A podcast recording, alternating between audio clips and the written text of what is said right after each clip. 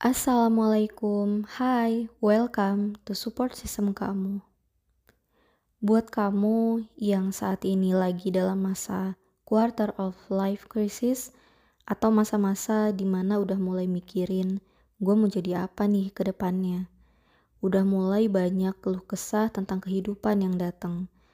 Bukan lagi tentang lo udah ngerjain PR atau tugas belum, tapi kesibukan lo apa sekarang. Nah, dari satu pertanyaan itu aja yang orang lontarin ke kamu, otak kamu pasti langsung bercabang. Wah, ini nanya tentang kerjaan gue apa, kenapa nih?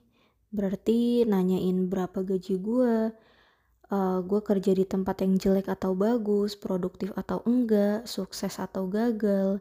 Satu hal ini aja pasti udah buat stres banget dan dari satu pertanyaan ini menunjukkan siapa kamu di mata orang dan bagaimana kamu menghadapi komentar orang lain.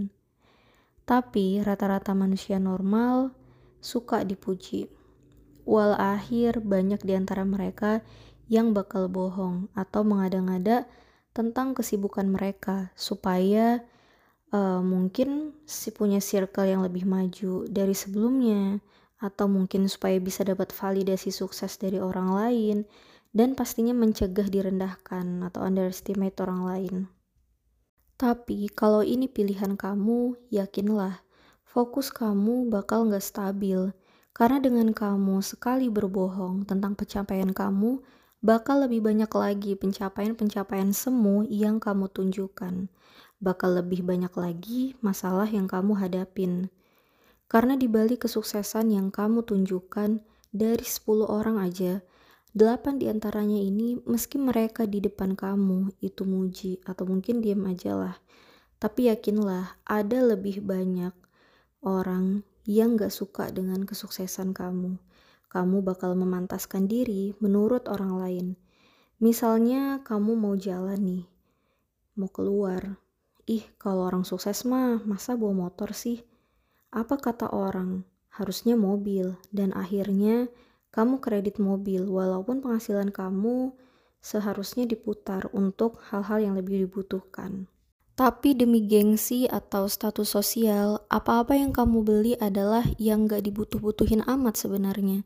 Bahagia yang didapat juga hanya sesaat, saat mendapat pujian. Selebihnya, kamu bakal merugi karena waktu, pikiran, bahkan uang yang kamu punya, yang kamu perjuangkan, bukan habis untuk membangun kebahagiaan kamu sendiri. Saat ini, itu banyak banget kemudahan untuk dapat masalah. Via sosmed, true. Coba deh kamu rasain. Semakin scrolling konten, example TikTok, what do you feel after that? Happy or ngelak? Scrolling atau konsumsi media dengan akses yang cepat ini punya efek candu. Kok bisa?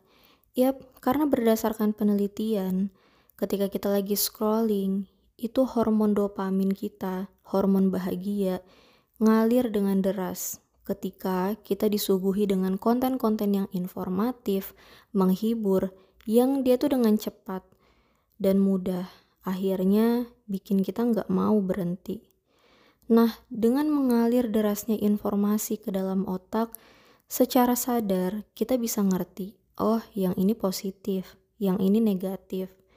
Tapi di dalam otak bawah sadar kita atau subconscious mind kita, itu bakal memilih hal yang gak penting, dan itu bisa diproses.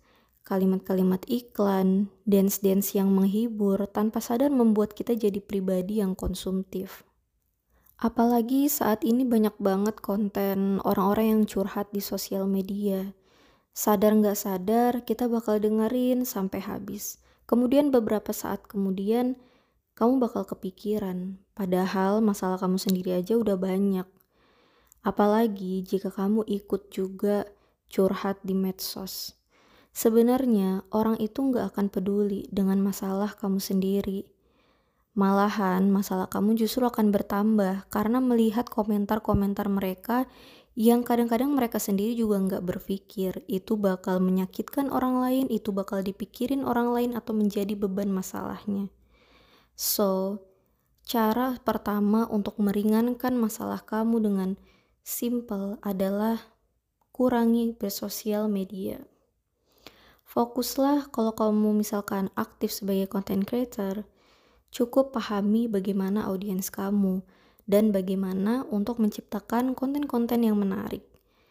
Jangan terlalu memorsir pikiran kamu di dalam sana. Berikan ruang tenang untuk kamu berpikir atau me time. Kasih batasan untuk diri kamu, untuk bersantai, menemukan ide baru, dan juga refresh otak. Yang kedua adalah refleksi diri, muhasabah, atau evaluasi diri. Masalah itu sebenarnya mendewasakan. Percayalah satu hal yang kamu bisa adalah mengontrol pikiran kamu sendiri. Ada banyak hal yang gak bisa kamu kontrol, apalagi yang dikatakan atau diperbuat orang lain, masa lalu atau masa depan. Dan yang kamu punya hanyalah hari ini, sekarang, nowadays. Dengan kamu berpikir lebih jernih, mengedepankan solusi bukan ego, mengambil hikmah sebagai sebuah pendewasaan, berdamai dengan masalah Kadang-kadang kamu perlu berterima kasih pada masalah, karena tanpanya kamu gak akan buat keputusan-keputusan yang bisa mengubah kehidupanmu. Baik keputusan itu, baik atau buruk, berbuat kesalahan bukan berarti kamu orang yang sepenuhnya salah. Karena setiap manusia memiliki jatah gagalnya sendiri. Kalau hari ini belum sesuai dengan yang kamu inginkan, tanamkan dalam hati kalau aku pasti bisa melakukan dengan yang lebih benar. Dibandingkan kamu terus menyalahkan dan terpuruk pada masa lalu, pada kesalahan diri kamu sendiri.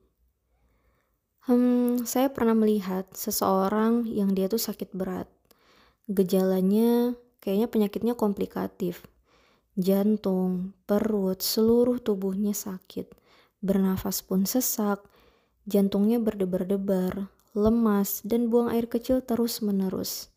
Setelah dicek lab lengkap, cek urin, hematologi, USG, ronsen, dan setelah melakukan rangkaian pemeriksaan, didapatkan adanya satu kerusakan aja, yaitu di jantung, dan juga gastritis yang memang udah lama.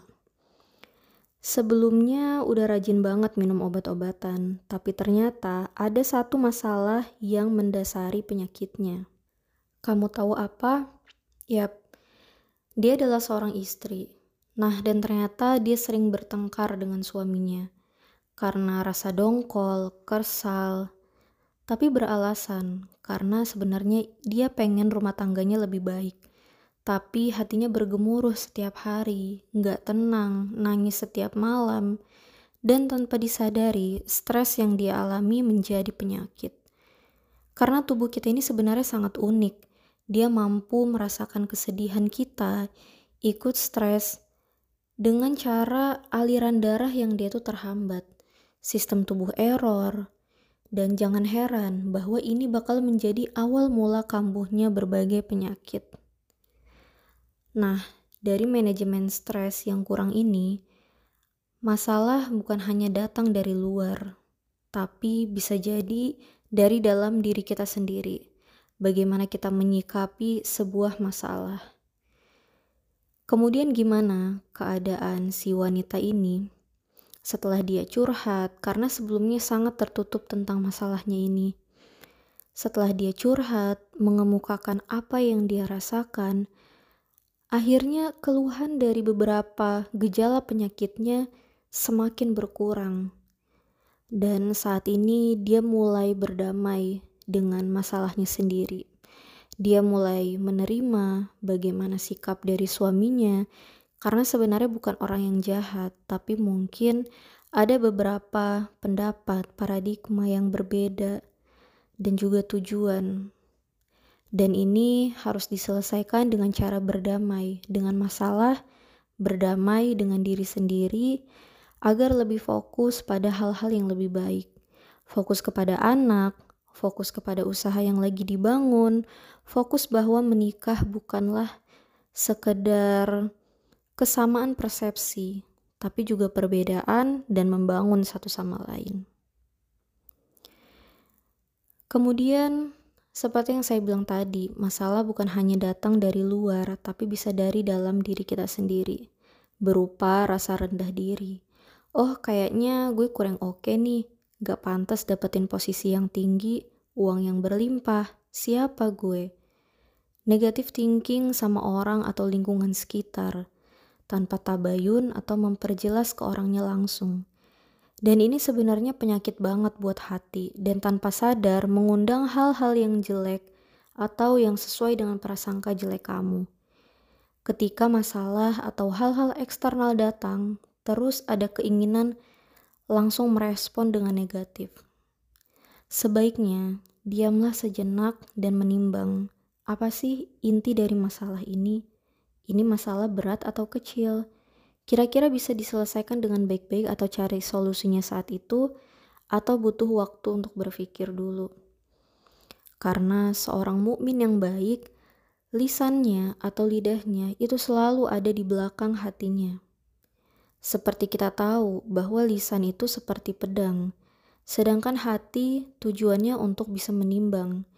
Jangan sampai pedang itu digunakan untuk menyakiti hati orang lain. So, Berpikirlah sebelum kamu memutuskan. Oke, nah, dan begitulah ketiga cara untuk menyelesaikan masalah. Mulai dari mengontrol dari dalam diri, karena hanya pikiran mula satu-satunya yang bisa kamu kendalikan. Masalah itu pasti selalu ada selama kamu hidup. Tapi di sisi lain juga, satu-satunya tempat yang banyak orang terjebak dalam satu masalah adalah karena pikirannya sendiri.